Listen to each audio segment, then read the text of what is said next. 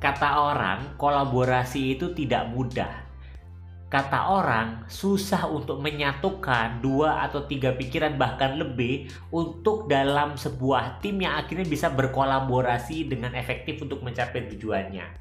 Padahal untuk kita bisa berhasil, untuk kita bisa sukses, kita butuh yang namanya kolaborasi. Terus apa yang perlu dilakukan? Nah, pada kesempatan kali ini, di video kali ini, kita akan membahas apa sih tipsnya yang perlu kita persiapkan agar kita mulai bisa membangun kolaborasi yang efektif.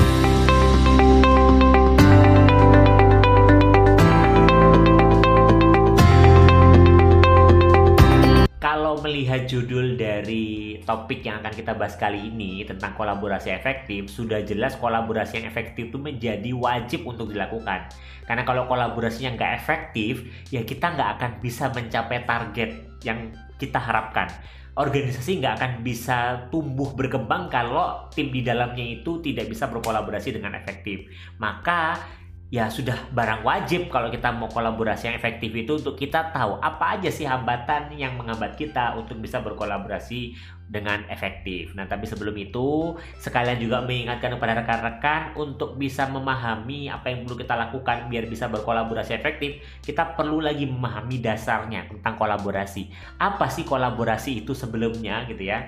Dan apa sih sebenarnya kolaborasi itu bagi banyak orang? Nah, menurut Jayendra menyampaikan kolaborasi adalah praktek kerja di mana individu bekerja sama untuk tujuan yang sama. Nah, dari sini saya berhenti dulu Coba dilihat, individu bekerja sama untuk tujuan yang sama. Makanya kenapa di postingan beberapa video saya sebelumnya tujuan itu menjadi penting untuk kita berkolaborasi. Karena kalau tujuannya nggak sama ya kita nggak akan bisa berkolaborasi. Nah di sini dilanjutkan untuk mencapai manfaat bisnis dengan maksud mencapai efisiensi dan efektivitas.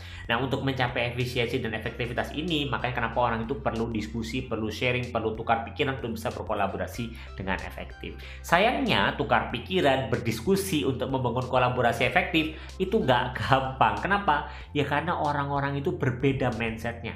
Orang itu lahir dengan sudut pandang dan angle berbeda. Sehingga kalau berbicara tentang kolaborasi, hambatan yang utama atau yang sejauh ini saya pahami adalah ya ini perbedaan sudut pandang. Kolaborasi itu kita menyatukan dua orang, tiga orang atau bahkan lebih dalam satu tim yang akhirnya orang-orang ini diminta untuk berjalan bersama.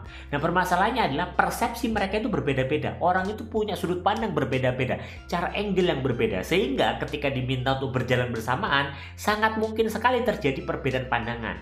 Yang itu sering kali akhirnya menimbulkan perpecahan. Contoh misalkan seperti yang ada di gambar yang rekan-rekan lihat saat ini. Ada perdebatan antara dua orang.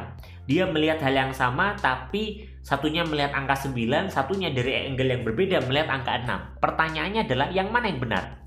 Jawabannya adalah semuanya benar. Lah, terus gimana caranya? Ini kan akhirnya mereka bersih tegang. Jawabannya adalah sebenarnya kita perlu melihat dari angle yang berbeda. Kita coba pahami orang lain. Kita coba lihat dari sudut pandang orang lain. Nah, ini yang sering kali susah.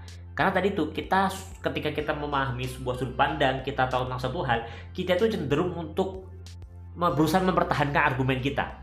Jangan sampai argumen kita kalah aja dalam suatu diskusi ataupun perbincangan. Nah ini yang perlu mulai diwaspadai. Itu sebenarnya tidak diperlukan. Sebenarnya nggak harus seperti itu. Kenapa? Ya karena memang nggak seperti itu dalam kolaborasi. Kita perlu melihat dari angle yang berbeda, memahami lawan bicara kita. Nah, sedangkan penghambat kolaborasi yang kedua adalah kadang orang itu timpang tindih. Apa yang kita lakukan, orang lain juga lakukan. Sama seperti nata puzzle. Nata puzzle ini dalam kolaborasi itu kan harus tahu saya itu puzzle mana, orang lain puzzle mana. Kadang dalam kolaborasi ini nggak jelas karena semuanya ingin maju bareng-bareng jadi berusaha jadinya balapan tanpa disadari bukan kolaborasi tapi kompetisi dalam tim. Nah ini yang nggak bagus. Loh tapi nggak bagus terus gimana? Ya memang kalau kita menyadari di organisasi tanpa disadari orang itu kan pingin kemudian berkompetisi, pingin agar lebih baik, pingin agar improve. Yang itu tanpa disadari kadang itu menjatuhkan rekannya. Nah ini yang perlu dihindari, nggak boleh. Karena semua part di organisasi itu punya perannya masing-masing.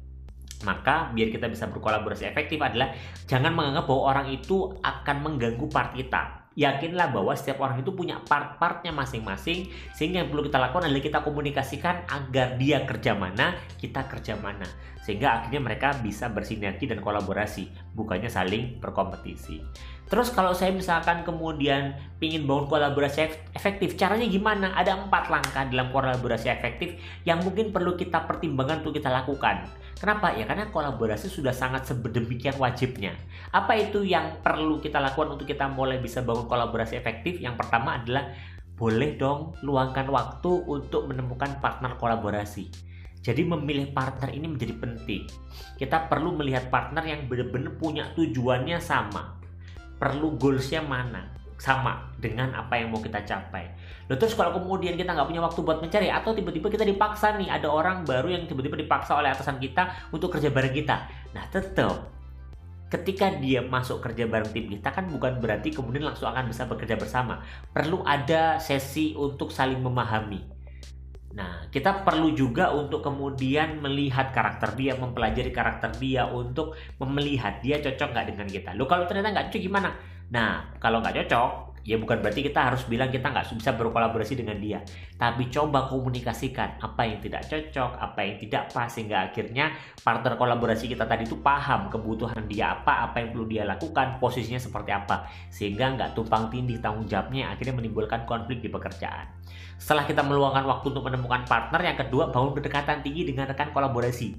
Karena secara riset ada beberapa penelitian dilakukan dan ternyata tim itu akan bisa berkolaborasi dengan makin efektif untuk menghasilkan menghasilkan dampak terhadap bisnis ataupun organisasi kalau mereka punya kedekatan tinggi dengan rekannya. Kedekatan di sini bukan berarti harus membangun hubungan gitu ya enggak, tapi ya minimal sama-sama paham. Saya paham karakter dia, dia paham karakter temannya, semua memahami karakter masing-masing, semua memahami perannya masing-masing. Jadi bangun kedekatan itu fungsinya agar terjadi saling pemahaman dan sama-sama tahu satu sama lainnya. Nah, setelah kita bangun kedekatan, sudah cukup dekat sebagai teman kerja atau partner kerja, partner kolaborasi, ini yang ketiga yang juga wajib dan ini kadang sayangnya sering terlewat. Harus dibuat pembagian tugas dan tanggung jawab sejelas mungkin. Makin jelas tugas dan tanggung jawabnya itu makin bagus. Jangan memaksa orang untuk menebak-nebak. Kamu pokok kerjakan ini ya, jangan pokok kerjakan ini. Enggak. Karena kalau orang suruh menebak-nebak, ternyata tebakan itu nggak pas, justru malah bentrok pandangan, sudut pandangnya malah konflik. Nah ini perlu diwaspadai. Maka bagi tanggung jawab dengan tugas yang jelas sejelas mungkin. Kalaupun diskusi benar-benar kamu ini ya partnya ini ya kalau seperti ini kamu yang ngerjain kalau seperti seperti aku. Nah ini bagi tanggung jawab harus sejelas mungkin sehingga tidak ada ruang buat konflik atau perbedaan pandangan untuk muncul. Kalaupun perbedaan pandangan muncul yaitu karena memang oh, sifatnya adalah ya karena hanya ada case-case tertentu aja tapi nggak setiap hari kita berdebat atau permusuhan seperti itu. Dan yang keempat ini juga wajib nggak usah meminta orang untuk memberikan support pada kita, tapi kita yang mulai terlebih dahulu. Kalau kita mau pingin kolaborasi yang efektif dengan orang lain, kita harus terbuka untuk memberikan support. Jangan hanya bikin diri sendiri. Kenapa? Karena kalau kita memberikan support yang baik dengan orang lain, energi positif kita kita berikan kepada orang lain, orang akan kembali memberikan energi positifnya pada kita orang akan bersedia membantu kita. Tapi kalau kita ogah-ogahan bantu orang, tapi kita berharap dibantu orang, Nah kita aja nggak mau bantu orang. Orang pasti kan ada yang dalam hati bilang ah lu aja males bantu orang. Akhirnya orang itu juga enggan untuk memberikan bantuan kepada kita. Sehingga akhirnya ya kolaborasinya nggak efektif. Jadi untuk bisa membangun kolaborasi efektif yang pertama luangkan waktu untuk menemukan partner, bangun kedekatan yang kedua, yang ketiga ciptakan pembagian tugas tanggung jawab yang jelas dan yang keempat adalah siap untuk memberikan support yang bisa kita berikan kepada partner kolaborasi kita. Sampai sini moga-moga teman-teman dapat gambaran dan bisa membantu rekan-rekan untuk membangun kolaborasi yang efektif dengan rekan kerja ataupun siapa pun di organisasi teman-teman saat ini.